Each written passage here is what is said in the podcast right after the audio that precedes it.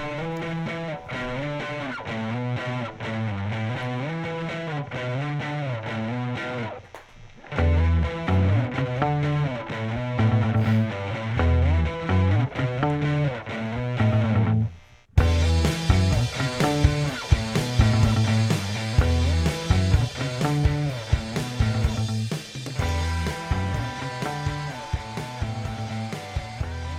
right, welcome back everyone to Pot of Gold. I'm Brett. I'm here with Schneidenbike. The whole crew's here. We gave the intern the week off. Uh, we're just gonna talk a lot about some LSU baseball, spring game, LSU pro day. Get into some Pels talk here at the end. It's been a long day of watching the Masters, eating some steaks. It might get a little weird in here, recording late night. Um, New do we? show, Law and Order. Law and Order, SVU. Roseanne it. is back. a lot of oldies we're popping in on. Yeah, talking a lot. It's it's gotten really weird in here, but the pre-recording. so we'll see how this one goes.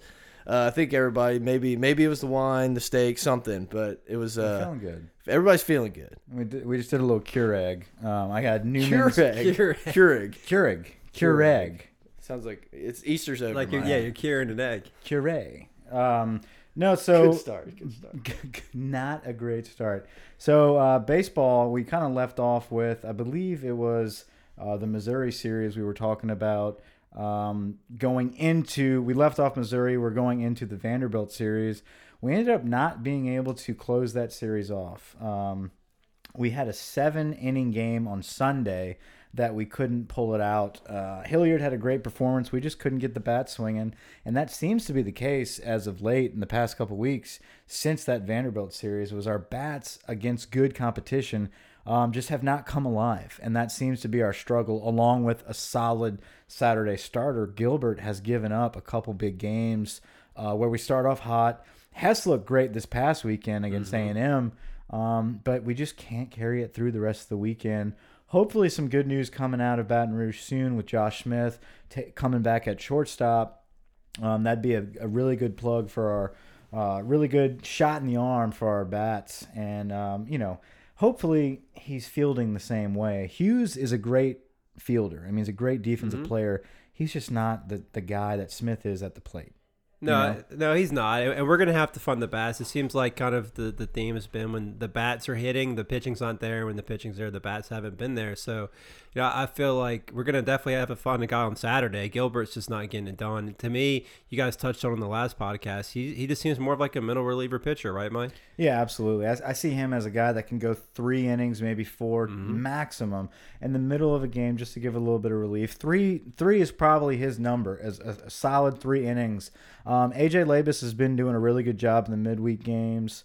Um, I don't know if he's quite ready to be a full time Saturday starter, but something's got to give. We have to change it up a little bit. Stores had a setback, right? So he's looks like he's back. Um, he's injured again. I think he's gonna be out for a little while. He had uh, some major soreness after that one inning he pitched.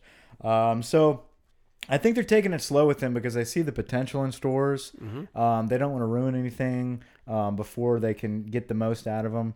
Um, and I, I believe next year is his year. You know, Stores should come back as a, as a pretty solid player for us, potentially a starter, along with Eric Walker coming back from an injury, who lately they've had some rumors saying that Eric Walker could potentially come back towards the end of the season into the SEC tournament and into a regional series for an inning or two just to get some work in. So um, that could be a good middle relief guy um, you know, who was our prime starter coming back for this year that we could not see due to injury. So we've just been plagued with some major injuries uh, this season. We're almost, I think, we're around the halfway point of the season.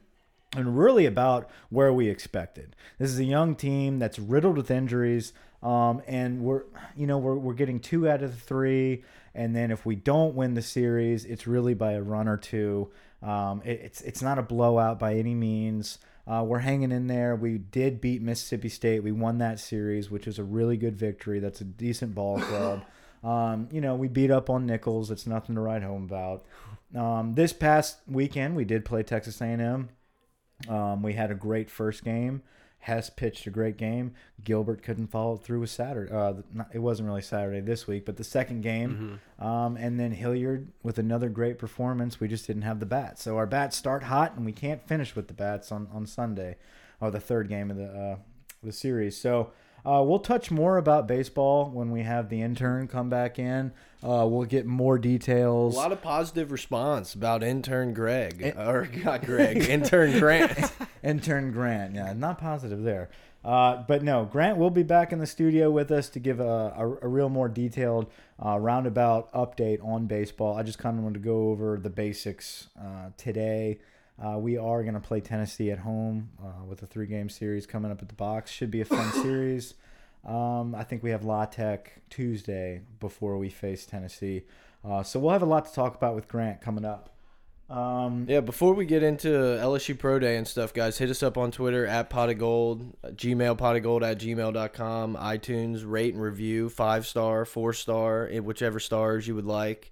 Uh, rate and review us, guys. It's really fun to see those, and it really helps us out. Uh, LSU Pro Day, give give me start us off, Shine. Yeah, Donte Jackson set a record, you know, at the pro day, the fastest 40 time we've had at 431. And our boy Christian LaCouture had the most reps um, at 41.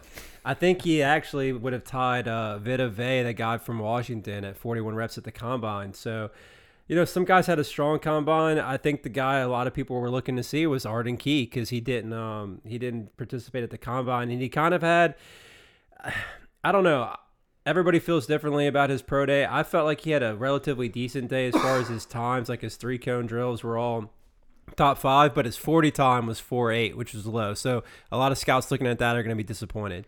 Yeah, they had a nice article about how Alabama's punter ran a faster 40 than Arden Key. So, you know, yeah, but a, a 40 time for an in like that doesn't isn't really important. You should be looking more at like the three cone time. I what would did think, Brad for them. Wing run the 40 in? 4 6 flat? no, I think it was like a 4 4 5 or something like that. But uh, regardless, it got called back. But we need to really focus on Arden Key's drop off here, man. Like, what happened to Arden Key? Is he the most disappointing player? I, I guess fall from grace. Yeah. From potential that we've seen in the past 10 years. I mean, we thought this was going to be like a Myles Garrett guy who was going to go top handful of picks. I mean, there was so much just good things about Arden Key the size, the speed, the ability to get around people. And then all of a sudden, it's just like. It's like a different guys out there. It's really weird. I mean, I hope he can get back in shape and be have a good NFL career. But it's just, it's weird, man. It's I'd just a different know. guy. I'd love to know the real behind the scenes of what's going on with his personal life and why he had to sit out all the time he sat out and just just the mental stuff that he had to deal with no one knows about. It was not made public. Um, the only thing that was made public was his absence and his big return where he's so much bigger and stronger, but it just turned out he was just fat. Yeah, out of I mean, there was Yeah. nothing more to it. Um, and as a sophomore, we really uh, thought this guy could come back the next season and be a top five pick. A Clowney type guy that just Could be the first Yeah. pick. I mean, just incredible athlete coming off the edge. He was everything we hoped Mingo could have been, but better. he was a Sam Montgomery body with a Mingo speed and a Mingo um, athletic ability. It was just a full package that didn't follow through on the year that it counted. And everyone doesn't understand why. That's Yeah. a big question. But I mean, the, the teams that he's interviewed with, he's been honest with them about it, and they know why. Like to me, the the problem with the pro day wasn't so much his numbers because, like, I don't, like I said, I don't put too much stock in the forty time. His his three cone was seven point one six, and his twenty yard shuttle were four point two five. Those are good times for his position. To me, the problem was when he was speaking about not being a top five pick anymore. He seemed flabbergasted. He didn't understand why, and it's like you need to have a little bit more maturity and understand that you had some off the field issues, and when you came back, you put a lot of bad things on tape. And to sit there and not own up and say, "Okay, look, I did, I did this, this, and that, and that's why I'm falling in the draft," but to sit there and say, "I just don't understand it," it, it looked kind of it was a bad look for me. Yeah, I kind of just wonder what it would be like if he would have not played at all this season, and it would have been, oh, you know, It would have I hurt him less. I feel like. I, I completely agree. I mean, I think he put a lot of bad film out there, but it's just kind of interesting. It's like, would we? We I don't think we'd be talking. Oh, he quit on his team and everything. I feel like it would be more like, oh, maybe he's back healthy and in shape and ready to go. It's just weird, you know. He came back and played, and it just, I don't know. Well, he took half, like he would just take quarters off. Yeah, no, it wasn't just a play here or there. It would be an entire quarter where you'd just be like, we don't have a defensive end right now. Like we are better off playing Chase on right now. We really are. As a freshman, get him experience, get him in there. He's full of energy because this guy is walking around with his hands on his hips. and he's letting guys blow right past him. He was so out of shape, he had to take that quarter off. You know, it was just he, right, he couldn't. He didn't have the energy. fault. Yeah, I'm just was. saying, like, I, it, he was out of shape and he didn't have the energy to do it. And it's like, what's going on behind the scenes to make you this out of shape and make you not be prepared for the one season that can dictate the rest of your life? You know what I'm saying? Like this, Yeah, it- you had everything lined up for you. It's almost like Tyrann Mathieu. You have everything lined up for you. You've got this one season to kill it, and you could win the Heisman. You could be a first round draft pick. You've got everything ahead of you. With your family set, you're set. It's done. And like something happened. Something's Yeah. going on. It it, it ju- that's frustrating. yeah, And Where where Mathieu though, we were able to see him kind of disappear and come back and redeem himself. Key came back as overweight, out of shape, and and just kind of like, ah, he's kind of a liability right now. Get him off the field. Well, he, he didn't really redeem himself in an LSU uniform, though. He's kind of He redeemed didn't. himself Yeah, in yeah. the pros. So Arden Key still has that chance, and I think it just kind of goes to show you that you know when your stardom takes off, you have to be responsible and you have to still put in the work. It's not always going to be given to you, and that's kind of a lesson for these guys that when you you know when you're a big name, you still have to put in the same work as when nobody knew who you were. Yeah, exactly. It's like you you're very good. You're very talented. I don't know if there's anybody in the NFL that's talented enough to not practice and put in the work. You know, there's Adrian just Peterson. yeah. Mm-hmm. and there's a handful and those guys are generations you know those are generational type of guys that have already established themselves They're, Yeah, they've no, gotten there And then, but that guy's not also just like I don't know. I bet Adrian Peterson also would never get 20 pounds out of shape and just like not work out and eat. You know, the dude came back from an ACL injury and ran 2,000 yards. It's like I bet he worked pretty hard. You know? yeah so on the other side of the coin here Yeah, Russell Gage. you've got a guy like russell gage who could be um, a special team superstar and um, I, I look at him as the same kind of role as i mean Russell Shepard came to LSU as a five star guy. I mean, he was supposed to be the guy, but he transitioned into being that guy that did everything good, but not great. Yeah. But he was just like a situational player. Was great on spe- was good on special teams, and we knew he was athletic enough to do this on the next level. We just didn't know if he'd get the chance, and I feel like he got that chance. Russell Shepard speaking, and um, he he's made the most of it. I think Gage is in that same mold where he's so athletic.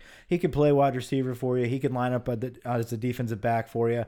He could be a special teams headhunter. I think in the pros special teams is where he's going to make his money. And I think he's going to get that chance because his attitude, his effort, his ability to find the stage where people are going to see my talents because I'm not going to be the type of guy that Arden Key was where everyone's going to be talking about it and I'm going to be under a microscope. I'm going to make myself be seen. Yeah, he's a guy that is extremely valuable to NFL teams because of versatility. Like you said, he's going to be, I, I can see him being a special teams captain for a team. And then when you want to go four or five wides, you can bring him out there. He's just, whenever you have a roster restriction at what, I think 53 guys that you can bring on Sundays, he's going to be a guy that can fill multiple roles from you. So you're going to, you're going to dress him out on Sundays because mm-hmm. he can play so many different positions for you. Yeah, I feel like every year we watch Hard Knocks, and there's always that one guy that the coaches are like, we can't not like we can't cut this guy. Like we don't even know exactly what he can do, but we know like we have to keep him. And Russell Gage just seems like one of those guys where it's like. We'll put him at the end of punt team or kick team. We'll put him as a gunner. This guy's gonna down balls at the one, and you know you're gonna give him that one chance. He's gonna hurdle a guy. Like I don't know. He just I, I hope Russell Gage has a really good career, whether it be glamorous or the special teams hero. You know. And I think DJ Chark is the guy that started off kind of like a Russell Gage, where you know wh where's he going to find his place, and then he just exploded. He became uh, the guy overnight, and um, he is turning into DJ Chark is turning into a guy that people are talking about as the top wide receiver in the draft. Yeah, it's crazy. Danny Etling's a good quarterback.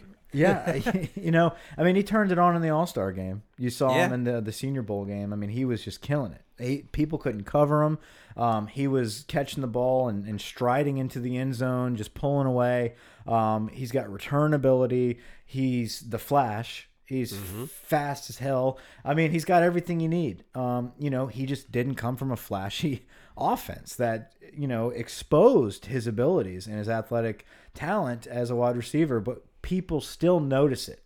Um, he's that good where he can still be noticed. And, you know, a lot of it has to do with Odell Beckham and Jarvis Landry having so much success coming from LSU.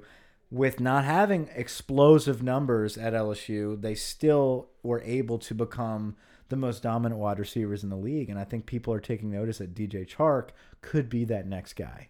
Yeah, he's really worked his way up into you know borderline first round contention right there. So I know you mentioned him as maybe the top receiver. I think Mike Mayock, who's widely regarded as one of the best guys to do this, has him as his number one receiver. So Mel Kiper's my guy. Mel I'm a- Kiper's I'm your a Mel? Kiper type of guy. that's that's my dude. I thought you were more of a McShay guy. I, I mean, dude, if I'm getting a beer, me and McShay would party. But Mel Kiper, I can just watch that dude just bobble his head and talk on ESPN all day. I love it. I'm yeah. gonna miss him and Jon Gruden next to each other. Yeah, Gruden. Yeah, Mel Kiper's Just got a binder nothing like got done. 800 pages thick, and Gruden's got like a piece of like a note card. He's index got card. He's like, I like this guy. Um, so Guice did not run the forty, right? Because he ran it at the at the combine, He ran yeah. it at the combine, so he didn't run the uh, at the forty at at our pro day. But Guice did participate in a lot of the drills. Um, you know, running routes with Danny Etling, a great quarterback. He was also going through a bunch of the drills as far as you know, jumping over the pads, three cone drills, pro agilities. Um, people are so so excited about Derrius Guice's ability to catch the ball, um, to turn up field, his hips. He's a very lucid guy. Um, I, I think it's it's not just his tape, it's not just his numbers, it's the way he moves in space, the way he does these cone drills at the combine, at pro day. That's really going to boost his name. Um, and I think his play on the field is just only going to get better as he gets older and ages. I think Derrius Guice is going to have a great career. I don't think he's obviously he's not going to get drafted ahead of Saquon Barkley. Uh, Saquon is is probably the best running back in this draft, rightfully so. The guy's a freak. Yeah, a lot of people Yeah. say he's the best running back in like the last 20 years to Yeah. come out of the class. Rightfully so. Um, But you know, that also puts Richard Guice in a- Murphy has something to say about it, but rightfully so.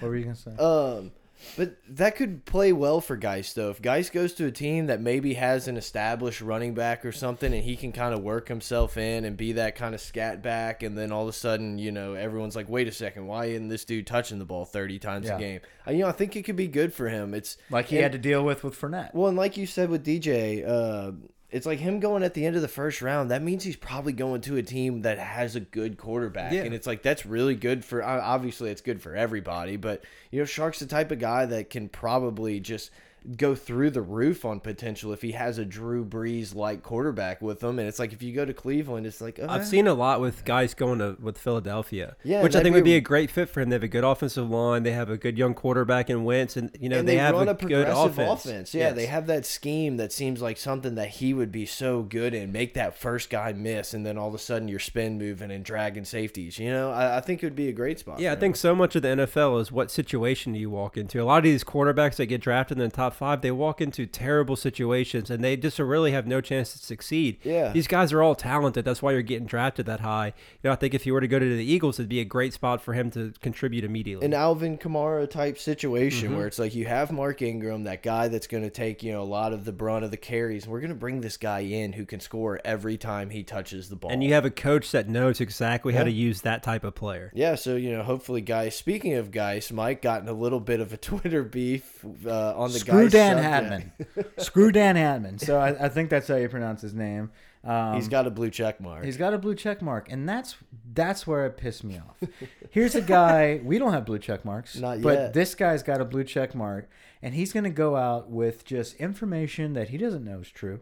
He hasn't discussed, he hasn't validated any of the information that he's been handed to. That's Um, the world we live in today, though. A lot of these guys don't. They just go out on the internet with whatever they have. and that's fine. But don't do it to my guy. that that's that's the problem. Okay, so he goes, but it it's Guice, man. Like here's a kid that honestly, Well, we need to get into what happened first, right? So he he tweeted out that he has off the field issues and that basically teams are questioning the fact that he plays so many video games. It's it's a video game thing, right? It's Fortnite. So the guy's playing Fortnite. Um, he's staying off the streets. Not Yeah. not that like he has the desire to be on the streets to begin with. Uh, the guy's from Baton Rouge. Uh, he knows all about being in, in the, the gangster paradise world. He's not part of that. He's not part of that. He doesn't want to be part of that. He's been away from that for years. That's just such a stupid thing to say, though. It's like I, I would rather my star running back be at home playing Xbox than being at a nightclub where you don't know who's in there or who who has beef with him. It's like this dude's sitting on Twitch and and interacting with fans and stuff like that. It's like I don't know. I it's see that as a another good revenue thing. stream for him at this point. You know, Yeah. based on your followers and whatnot. I just feel like there's so many worse things you could be doing than playing video games. I don't understand how video games can justify as an off the field issue. Yeah, and guys, man, I, I watch your stream. You have some audio issues, so hit us up at Pot of Gold. uh, we're gonna get your audio issues fixed. I, I try watching him stream, and He's there's got a, a nice setup though. yeah, there's a lot of echoes going on. Has, so has no one done that for him yet? I, I think some people I, did. I think LSU Esports is helping him out with like he's got a computer now instead of a PS4. He's got all kinds of stuff. but we're set your up guys. We're, we're we're your guys, guys. So the the exact tweet from Dan Hatman, blue check, uh, is the texts are coming in on this one, and it sounds like off the field will be more of an will be more of an issue for Guice than I originally thought. So this guy admits he originally thought that Guice was going to have off the field issues. So where did that come from? I don't know. The guy's been at Catholic High School of Baton Rouge, killing it, never had issues. Went to LSU, never had issues. Never had issues until Fortnite. And now all of a sudden it's like the kid plays video games and it's worse than I thought. Yeah, and you know, Derrius Guice could have off-field issues that we don't know about, and he could be doing. But Dan things- doesn't know. Yeah, exactly. He doesn't know that, but yeah, I don't know, man. they This make it been- seem like if you play video games, you aren't putting in work Right. anywhere else. That that's Right. all you do, and it's just not the case. This dude, he you know he's catching workouts at five, six a.m. and then he's on Fortnite at like eight a.m. playing a game. It's not like he's I don't think it has a lot more than to do than just Fortnite. I think it had to do with his comments when he talked at the combine about, you know, oh, what do you have to say to people that are going to pass on you? And he got like angry that no one should ever pass on me. Blah, blah. He was just speaking confidently. It Yeah. had nothing to do with any off the field issues. I think the wording of that tweet was ridiculous, and but what followed was even more ridiculous. That after people were outraged, after people uh, came to Guice's defense and said, "Hey, man, this guy's a great kid. Leave him alone. Don't start spreading shit that you don't know what you're talking about." He's like, "Yeah, I really like how y'all are standing up for Guice. Um, I didn't really go into details about the text I got. I didn't even see if it was true. I was just passing on the information. That's what pissed me off. It's like, wait a minute. This guy's about to get drafted. He's got his whole future ahead of him. You've got the check mark. You know, people value that in our freaking society we live in now. And you're going to pass along information that doesn't mean anything? Yeah. And that's when I, I, tweeted him. I said, You're pathetic. You're pathetic. You're pathetic. I started seeing a bunch of like replies on my phone, and I'm like, "What? I didn't tweet anything." And I look, and it's just like, "You're pathetic," and I just started laughing. Well, I said you're pathetic, man. Ten year old girls they they pass on information on Twitter, not people that run a scouting academy. It's sad though. It's the world we live in. You know, the same thing happened with our basketball program in Will Wade. They're talking about recruiting violations that the NCAA is not even looking into Cal's LSU for that scared. stuff right now. You know, people are just that they get information and they run to Twitter with it without verifying anything, and it's just it's a huge problem right now. The, the fake news media out there with everything getting thrown out there Yeah. with no verification. Yeah, I mean, the last thing I have on Guice is is that we've only thing we've ever heard about this dude is how good of a teammate he is, and like all, he's all about family and the players, and, and it's. I, I hope nothing for the best for the dude. I really don't think he has these off field issues, and you know he doesn't. He'll get And I- drafted. I, think and- people are seeing through that crap, and it is what it is. Even Guice tweeted back at the guy. He Yeah. said, "I don't have any off the field." Yeah, issues, it came man." right on the heels of him helping that woman in that accident. I don't know if you saw that Yeah. on Twitter too. Like, it's, I, I did see it. I don't know how I feel about that. I- I, mean, like the thing is, good for him, and uh, you know that's awesome. Um, but you didn't really need to take pictures. Yeah, I- and it's just that's just we're- kinda weird. We're different. We're a little older. Yeah. I mean, like I did that same exact thing like two months ago. I told some people. Yeah, I- Mike Mike live periscoped it and sent me the link and everything. And No, like, like I, I easily could have been like pot of gold saves the day, but we didn't do that. It was just kind of like, man, I'm shook up right now. Like I just saved some lady on the side of the interstate. Like it was a big deal. I, I understand what Guice was going through. He's a kid, and he wants to make sure everyone knows he's a good guy, and he wants to not have a single shred of negativity thrown his way. And guess what? He did a great act. He did a great deed. I just think he was kind of overboard in the publicity of it, um, being just all from himself. It wasn't just a picture; it was like ten tweets Yeah, it was lengthy. and like a video, and then like he was throwing up dubs with the lady. The, the police just- too. The police and the got it, cops, yeah. and it was just like, God, dude, like we get it, like she's good. Anyway, good for him. I listen. I love Derrius Guice. Um, I'm just throwing out all of my opinions right now. I think nothing he has ever done um, to this point in his career that has been made public uh, that we know about should infringe on his draft status. I think he's a great kid, and he should definitely go in the first round. I think at the latest he'll go in the second. So. Um, any other news from Pro Day other than uh, Donte Jackson just killing it? We talked about that. Um, where do you see him in the pros? Where do you see Donte Jackson as a pro? Listen, he's got the fastest pro day run that we have on record at LSU. Um, but does that mean he's going to be a great defensive back in the pros? Yeah, I don't know. I honestly don't know. It's like it seems like Donte Jackson was here and gone, and he played three years without like us ever seeing him play. You know, it was almost like that Russell Shepard, like here, here one day, gone the next. Wait, what happened? Like, wait, like we why were you guy? not our returner? You were. You just never made it happen. Yeah, it's You know? crazy. So I don't know. You know, hopefully, he, I think size is his biggest question mark. Like Right. he's like 160 or 165. It's going to be hard to play in the NFL at that size. I think I think Donte Jackson was a track star that made the most out of his speed in Mm-hmm. football. He wasn't a football star that ran track. You know what I mean? Yeah, yeah, I, I would agree with that. The NFL's going more and more to those dime and nickel type packages, and Yeah. I just, I mean, I think that dude could be a slot corner for just about any team. You know, So LaCouture got 41 reps. Um, Mm-hmm. That's his claim to fame. I like Locke. Um, I think. Do you? do you? Do you though? No, no, I don't like LaCouture. I, I think I think we fell off. No, I think we fell off on the defensive line when it came to talent, when it came to um, effort, to technique, and I think as of the past couple seasons, yeah, we got better with it um, because of the coaching on the defensive line. But I still feel like the talent dropped off there, and LaCouture just he just wasn't my type of guy for the D line. I, I like how he was all about LSU. I love that. Um, but he just could have been better. Well, it's I- like we were talking about before the pod. You know, these guys like LaCouture, Frank Herron, Greg Gilmore, they got one to two years of Brick Haley of just wasted development, and it really set them back as far as their college careers. You know, it did. It, but they were guys that came in.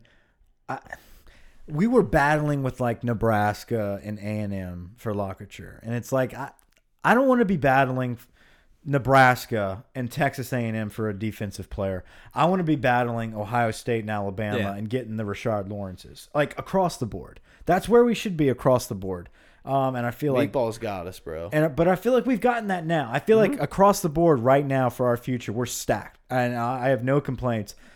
This is just a reaction to y'all's comments about me not liking LaCouture. I just, I just think he was he was part of the downslope when people talk about the glory days of defensive line at LSU. He was in the group that was on the downslope, yeah, hundred percent. I would agree with that, and that's really been the downfall of our program the last few years. Has been in the trenches, and we're finally fixing that now. It's like we touch on every podcast. We're finally recruiting that position, and you're going to see it this year. This is the best defensive line that we have. Um, that we've probably had since 2011, and we're starting to get those guys on defense. You know, to talk about the scrimmage that we just had, they said one guy that really stuck out, Tyler Shelvin. He's a, he he played for Ed Alexander today. I think he tied for the team lead in tackles with uh, Patrick Queen. at Patrick six- Queen had a big day at today, six yeah. tackles. So you're you're starting to see not just not just the starters out there, but we've got two or three deep at each position on the defensive line that can really come in and make plays. Fehoko is a guy, Breiden Fehoko. He's uh, going to be dominant. the guy from Texas Tech. Um, nothing but great buzz Mm-hmm. around this guy. Both of the guys from Tech, uh, Jonathan Giles and Breiden Fehoko, But we're going to stick with D line for right now. Nothing but good buzz in the air from these guys. Um, so defensive line wise, you've got Fehoko, you've got Lawrence, who we know is our leader on the D line. You know, you got Richard as your your ho- holding it down on the D line. You got Devin White at linebacker. You got Greedy and, and defensive back. Those are your three studs at every level, right? Your your guys on each level. But we don't just have one. We're so used to just having one on every level for the past few seasons. We potentially have a handful on each level now, and especially the defensive line. If Fehoko is as advertised, you've got two just lockdown defensive ends that can produce pressure, that can hold up double teams to create holes for Devin Mm-hmm. White. I can't wait to see what Dave Aranda is going to do. If he has dominant D line guys like this, I mean, we're going to have linebackers running free all day. Yeah, gonna be I flying everywhere. Ed Alexander, Shelvin, and then you're hearing a lot of talk about Glenn Logan. The lights finally coming on for him. Neil Farrell. Yeah, Neil Farrell, and I heard Justin Thomas too Yes. is out there. These guys are developing because we're we're putting them in a healthy situation to be developed now. They're not having to play before they're ready, and they're able to sit back and really learn what they need to do. Yeah, and, and you know, you talked about Tyler Shelvin a minute ago. He's lost a lot of weight. Ed talks about how he's showing flashes, and it's it's flashes on what we know he can be. And he's not an every down guy. He doesn't need to be an every down guy because we have the big swamp monster, Ed Alexander. They call him the Rougarou. The guy is a stud. He's a stud. I mean, the, he's a big guy, but he he is also enormous, like Yeah. Tyler Shelvin. I mean, this guy. We talk about Shelvin be the being the big guy. Basically, Shelvin is what we wished and prayed for a whole year for Travonte Valentine to gonna be. say. Um, he is that guy, but he's actually more athletic. Like he can play. Yeah. he's not going to fall asleep three plays in. Um, And Ed really looked like the light came on for him in that game against Notre Dame in the bowl game. Looked like a pretty solid game for him. He's really, I expect him to have a really big year this year too. Ed Alexander turned the corner last season. Towards the end of the year, he started playing. So I think this is a big year for him. I, that's a dream. If you can have Breiden Fehoko, Ed Alexander, and Rashard Lawrence all playing to the best of their abilities, you're correct. That is the best defensive line we have seen at LSU since 2011. Now, your backups, you have a solid rotation there. Depth is the key at the defensive line. Just because you have a solid front three does not mean that you're solid on the D line. You have to have depth. You look at the best. I, I- I'm going to go back to high school because I've got some experience coaching there. But you look at the best schools that win state consistently, like John Curtis. Those guys have a three deep at defensive line that stays healthy. You're every drive, you've got another set of three guys coming in that are just as good, that can perform just as well as the starters. You wear out that offensive line. Every year, that's what Curtis does.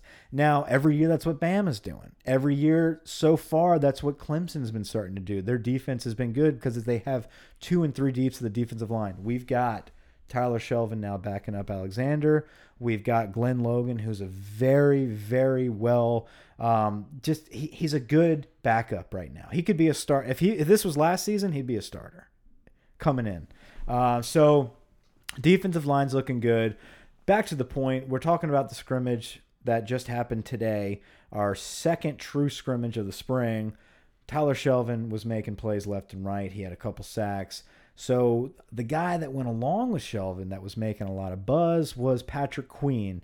Here's a linebacker, a guy that uh, tinkered with the idea of moving back to running back, the position that he just exploded on at Livonia High School. Um, was a was a great running back, also a good defender, but kind of like Devin White, where it was, hey, you've got a decision to make. You can play quicker um, at linebacker, and that's what he chose, and that's where he's going to be making his money. Um, but I think was it a few months ago they said he might be switching back because of the lack of depth at LSU at running back.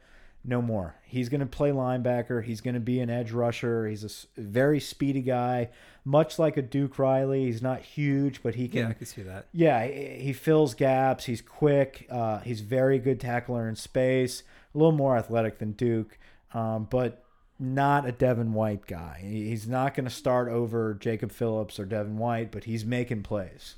Yeah, I think you know, Aranda said last year he's our most athletic linebacker probably, and for those guys, a lot of times they just need to learn the the, the defense for that light to click mm-hmm. on, and we just have so much depth at that inside line, linebacker position that we haven't had between him. You touched on Phillips and Taylor, and then we didn't even get the Baskerville who's coming in. It looks like he's had a strong start as an early enrollee, and Damon Clark coming in. This is the mm-hmm. most depth we've had at inside linebacker in a while, and we're just as deep, if not deeper, at outside linebacker. and it's it's quality depth. Though. Yep. And that that's the difference right now is people people are talking about how yeah we have a good we have good defensive starters, but you know we we we're kind of thin at the depth. They're there, but we're kind of thin. It doesn't matter about the numbers right now. These guys are good players. You're not looking at um, you know DJ Welter as your backup middle linebacker. to starting linebacker. Starting middle well, linebacker. wh- when Ahead of Beckwith. exactly, exactly. You, you look at guys like that. that were in our depth. And it's like, yeah, hopefully he doesn't go down because you've got, you know, Taj Boyd, who's 180 pounds. He'll be Yeah. good in three years. We're not like that anymore. Right now, our three deep is ready to roll. Like if we Yeah. had to count on Baskerville due to injuries, injuries and step up, it'd be a little bit of a drop off. But guess what? By next year, he's a stud. He's ready to roll. Yeah, So we, we'd be talking about him as somebody. Oh, I can't wait to see him play more next year. You know, it's just Yeah, these guys quality are all ready to go. Yeah, Quality it's, depth, It's the first time in a long time you look around the linebacker room and you're like, oh, we can roll with any of these dudes. Yeah. Normally it was just like we got one. Yeah, we, we, got can't have we guy. can't have an injury Yeah. because we're gonna have We've a got huge Mentor drop-off. and Baker and the rest of you guys. Yeah. Like, hopefully they'll get better. But no, it's these guys are good, and it's led. There's no question, it's led by Devin White. I mean, Devin White is the best in my in my eyes. He's the best defensive player in the country coming Yeah, back. he's gonna be a first round pick. Yes, I, I think De- I will pick Devin White if I had a first pick for my team to pick one guy for your defense, and you can pick anybody in the country. I'm going Devin White. I love that guy. He's he's an animal at linebacker. He's a leader. He's fast as hell. He can play anything. He can play any position out there. But he's prime middle linebacker. Um, I think he's Ray Lewis. I- Yeah, I- he's he's just so talented, man. The way he can get to a guy before he, he missed. We talk about it. He missed so many tackles because he just like was so fast and was there too quick. I, I can't wait to watch this guy. Played linebacker for two years. Yeah, he's Yeah. the guy who's in Dave Aranda's office before him on Sundays to watch film so he can know what questions to ask Aranda when they watch it together Sunday morning. It's like this is the guy you want. We talked about Guice being a, a great teammate and all that stuff. You couldn't ask for a better leader on your defense than Devin White, and Rashard Lawrence is right next to him. Yeah, Yep. he's a guy where the talent matches the work ethic, and when you get a guy like that, they're just it's- they don't come very often, but they're just special because not only do they put in the do they have the talent to be one of the top players in the league, but they have that work ethic that makes them that. You know, like the Tom Brady's of the world and the Drew Breeses that just put in so much work to their craft, and it's it's going to show this season for Devin White. Yeah, Dev, Devin White's definitely a guy that uh, I've been the most excited about since Tyrann Mathieu was was playing for LSU. Yeah, the best Um, thing that could have happened was him being left off of all those award lists and everything like that. Because I mean, uh, all that's going to do is piss that kid off, and he is Dave gonna- Aranda loved it. Yeah, I mean, dude, that's the best thing that's ever happened to us. I think. What's funny is now he's on all the watch lists. Yeah, it's of like course. it's like the guy that's unheard of that we all know is going to be a stud. It's like, dude, y'all already knew he was a stud. You just left him off on purpose so you could turn around this Oh, year the and be like, advanced stats just aren't really there. It's Yeah. like, okay, well, use your eyes. You know, let's just watch. So um, next to him, it, it's looking like out of reports from practice because we're not able to be there. We've been kicked out. We've, we don't have our media passes. Um, that Jacob Phillips is pulling away from Tyler Taylor. It looks like he may be making the most of that battle right now. Obviously, this is going to go well into the fall, but as of today, uh, from the stats and the tackles, it looks like Jacob Phillips is making the most of it. Um, position changes, you've got Todd Harris and Eric Monroe moving down to the nickel position. Um, that tells me two things. One, Kary Vincent is running in the Texas relays. Two, um, which he is. And so they need Yeah. some depth there at nickel, and we don't have the DBs to do it. So we're going to move our most athletic and versatile safeties that are not starting um, to nickel, and that that is Todd Harris and Eric Monroe. That also shows me that they trust the depth of uh, Jacoby Stevens as the first man up behind Grant Delpit and John Battle because Ed Paris is injured. He finally made it back this week and he's already out again. so I I don't trust old man Ed is going to make it back this season. When he does, he's not going to be our starter. I I don't see Ed Paris cracking the starting lineup. I don't think we're playing favorites. It's a make or break season for the coaches. I think it's Grant Delpit and it's John Battle, and then we're backed up by Jacoby Stevens and Eric Monroe. Eric Monroe gets the first crack with Kary Vincent at nickel. Todd Harris is just a freak athlete that, like you were talking about before, should probably get the first crack. Um, I just think Eric Monroe is going to have more of that downhill. He's not going to be in a position where they're going to depend so much on the nickel. Yeah. Um, but if he if he blows it, dude, you've got a guy like Todd ready to roll. Yeah, and I think for Dave Aranda, you don't have, in his defense when it's at its best, you don't have to worry about what position people play. It's like he wants to just find his five best DBs and get them all out on the field. Mm-hmm. So even if- Monroe's not going to be covering a guy from the nickel spot, he may be out there and running downs just to, you know to drop down in the box and make plays. Aranda's going to find his best guys and he's going to put him in position to be successful. Tyrann Mathieu's been pumping uh, Kelvin Joseph on Twitter. He- he's been spinning his highlight video. Says he's the next man up. Um, so he might be the next man up. um, so anyway, I just, might- I just wanted to throw that out. Look, guys, so, sometimes sometimes you got to get on that level with these kids and just be like, hey, who do they like? And a lot of times they're right. So. Uh, Kelvin Joseph is somebody that I could see seeing the field early at corner. I think he will. I mean, I think he's absolutely going to play. Gonna need to. The numbers And- just and- aren't really Yeah, there. And Jontre Kirklin's another guy. You know, he I think he had two pass breakups in today's scrimmage. Um, so he's a guy that's coming on too. We, we really don't know anything about him. I, I did read that. It was kind of funny. Someone posted um, that Myles Brennan was thrown against the twos. They're like, well, who the hell's he thrown against? It's it's the That's true. ones. You know, it's like there we don't have a lot of twos in the defensive backfield. No, not, not right now. So they're they're all thrown against the number one defensive backs. We're getting everybody reps with the ones um, when it comes to the defensive backfield. So with that being said, we'll flip to the offensive side of the ball. Myles Brennan looks like he's head and shoulders above the quarterbacks It- right now, seems- stat wise. It seems like he's the guy. He's getting more reps in each scrimmage, and it just seems like he's the leader in the clubhouse. It's probably not over. Patrick Reed's probably not sleeping too well tonight. You know, that's how Myles Brennan is. It's like he feels like he's got the lead, and it's his job, but he could lose it tomorrow if he doesn't show up. So.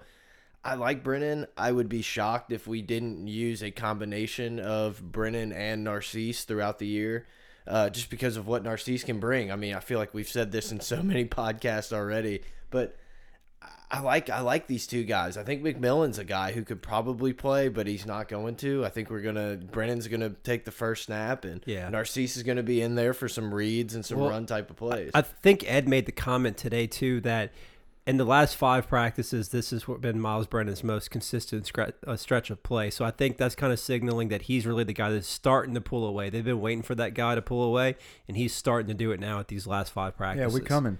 Uh, and I feel like Brennan is starting to come um, into these scrimmages. and in this past scrimmage, he's coming. And and um, Lowell Narcisse was was on, even not though he, coming though. no, he's coming. No, he, Lowell Narcisse was not coming, but he was on. But he only had three completions. Um, Narcisse Three for eleven, but he was on. yeah, Narcisse and um, McMillan, McMuffin, they both were three for eleven, um, but they were on. But he did specify.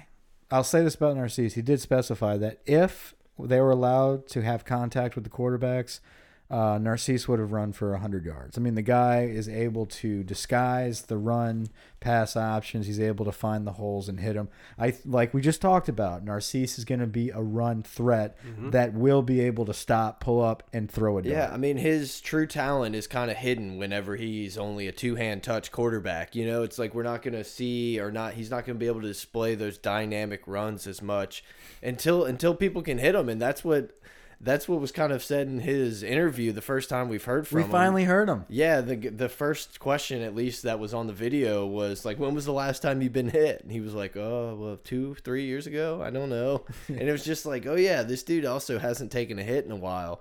But that's where he shines is like you know it's just whenever he's in a yellow jersey or whatever the LSU guys wear, it's just he's not going to be the best thrower in the gold. room.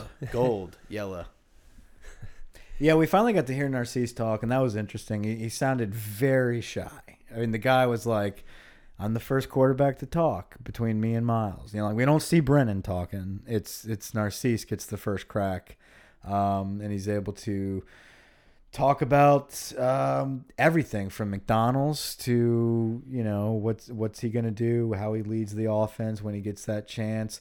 I think it's clear. It's not clear, but I think if I had to make a bold prediction, Myles Brennan's taking the first snap against mm-hmm. Miami. Narcisse is going to gradually get a few plays, a few series, maybe a quarter. As the season goes on, it's going to progress, progress, progress. Then I think the true battle, if Myles does not pull away by by the end of the season, is going to be for next year. Yeah, I agree. And I think that's when it's truly Brennan versus Narcisse. Where this year it's Brennan.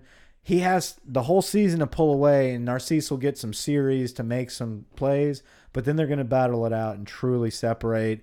Brennan hopefully does Yeah. well, becomes the guy that for good. Narcisse gets his own year after Brennan gets drafted. I think you Yeah, could really see coming. Narcisse shine in the red zone. You know, you bring him on a quarterback heavy run where it gives you, that you know, running the quarterback gives you that extra lineman to block with, and you can even roll him out and just give him half the field to read. You know, Well, Narcisse is is labeled as the guy that has the best touch. He's got the best touch on the ball, and I think in the red zone, you need touch. You need to be Yeah. able to throw those fades. You need to be able to hit that corner. You need to be able to not have to throw into a small window, but be able to put the exact. Uh, you know, you, you got to throw it in the bucket, as they say in the coaching world. So I feel like if you are able to do that from the goal line, but also are 230 pounds and able to truck somebody with the ball or fake it and hand it off to a, a little guy like Clyde Edwards Helaire, you've got some some threats in there. Or hand it off to, to Tory Carter, you know? Yeah. So, I mean, our, our guy Yeah, that needs to be on the podcast. That's our dude. We're working on getting getting him on. We're also working on a way to get field passes for the spring game. So, We're we're just, so yeah. We were discussing before we flipped on the mics. Either we're gonna get there or we're gonna sneak in. But if one way or another, we're getting you guys some like boots on the ground. Shout out off the bench for taking that on Twitter. Boots on the ground coverage for the spring game. One way or another, we might get arrested, but we're we're getting there. By the way, 1045 tweeted recently from the pro day. Um, what was it? Off the bench? Yeah, OTB. I just that's what I just said. Oh, sorry. Sorry. No, repeat it. Boots on the ground. Yeah. They tweeted boots on the ground. That's us. That's that's that's our thing. That's our thing. I'm sure y'all have said it before, but since we've started the podcast, y'all haven't said it. So it's ours. Um, anyway, we would just like to discuss the rights of boots on the ground. Um, but we're going to try to get boots on the ground for the spring game. Um, watch watch those guys be there on the spring game, and they're going to start tweeting boots on the ground. Hashtag BOG. Um, but we're thinking about just like making some random tag, and Don't give away our secrets too much. just though. making like a some cool LSU lanyards. Yeah, and- Michael's like, what if we just go with like a lanyard and one of those things? Like they wouldn't know. I'm like, yeah, I think that should work. We'll, we'll try it. I mean, I, we've all done it before, but like you know, we had the right credentials to get in there. But now, since we don't have those, I think we know the process. Just like the coaching clinic, that's that's a flop. You can just walk right in and just be like, "Hey, yeah, I'm uh, I coach for Vermilion Catholic." You just sign your name, you get your tag, you go. And it is what it is. Um, and you get to watch a free practice, you get to watch a scrimmage, and take a bunch of pictures and claim boots on the ground. So hopefully we're able to do that for the spring game. We're just gonna roll in. We're just gonna roll in through the press gate, and if anyone questions us, uh, it's pot of gold, the unofficial official podcast of LSU football. You got a problem with it, you take it up with somebody else. Uh, yeah, we just need to send people. We'd be like, uh, did you talk to Derek? Derek told us to just come here. Michael, no, we're not going to talk use. Bennett. no, we're not going to use Panamsky's last name because it's Derek. So we're gonna. Yeah, we talked to Derek. So Derek, if you're out there idea. listening, you uh, you send us our passes at Pot of Gold. It's Uh, a free game. I mean, I'm pretty sure anybody could just like walk down there. we'll see. We're gonna We're find gonna- we'll out. find out.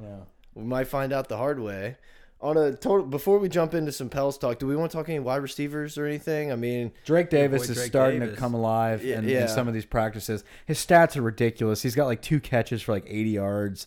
He's got like a few touchdowns within the past few scrimmages. Racey McMath. Racey McMath had a hell of a catch and, and a big pull away touchdown run.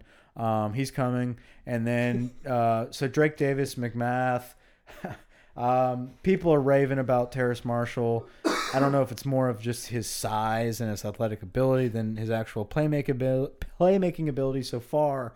Um, but I am I'm I'm just happy to see Drake Davis taking advantage of some of these scrimmages. So um, I think it's a playmaker that we need uh, to see the end zone. So Yeah, and it seems like Nick Brossette's kind of the the the guy for Yeah, running back at the moment.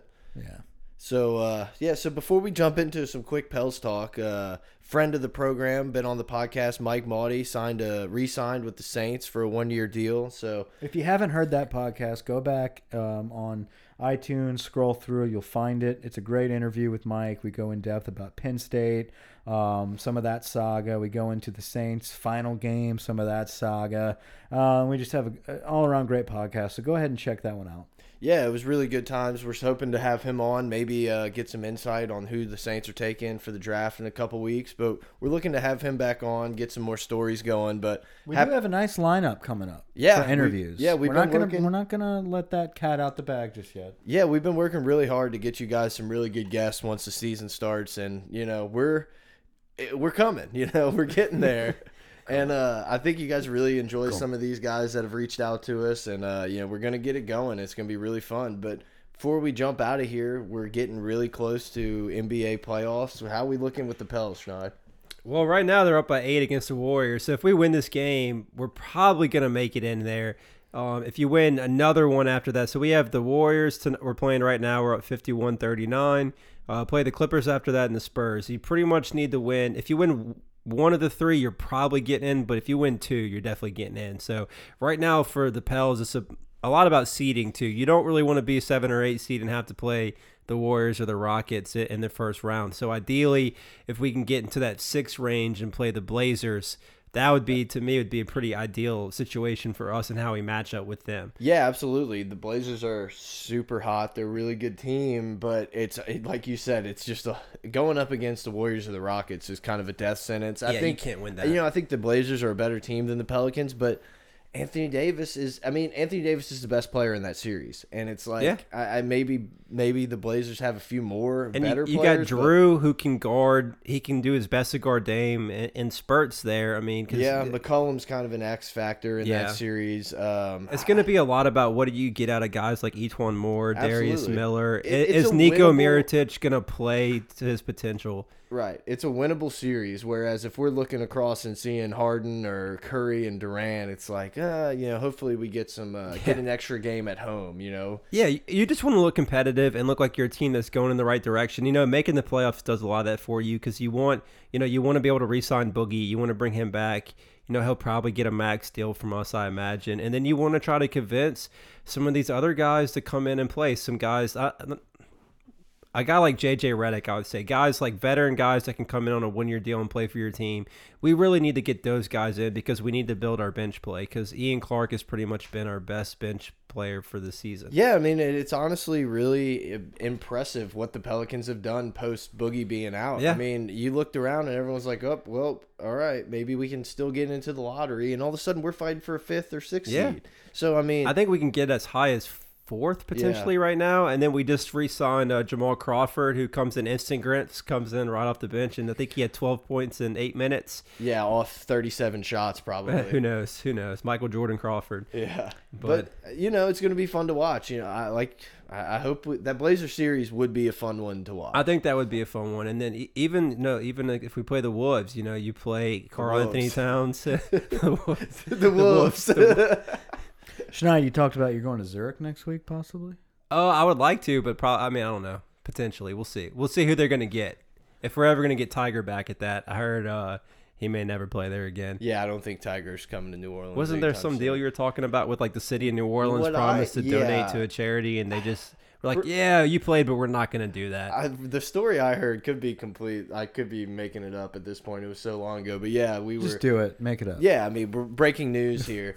Uh, Tiger came and played. I think when it was still at English Turn, and it was like the deal was that the city would give a certain amount of money to the Tiger Woods Foundation. So he showed up and then left, and he was like, "Hey, where's my money?" And we were just like, "Nah," which is Yeah. like the most un-New Orleans thing that could, you know.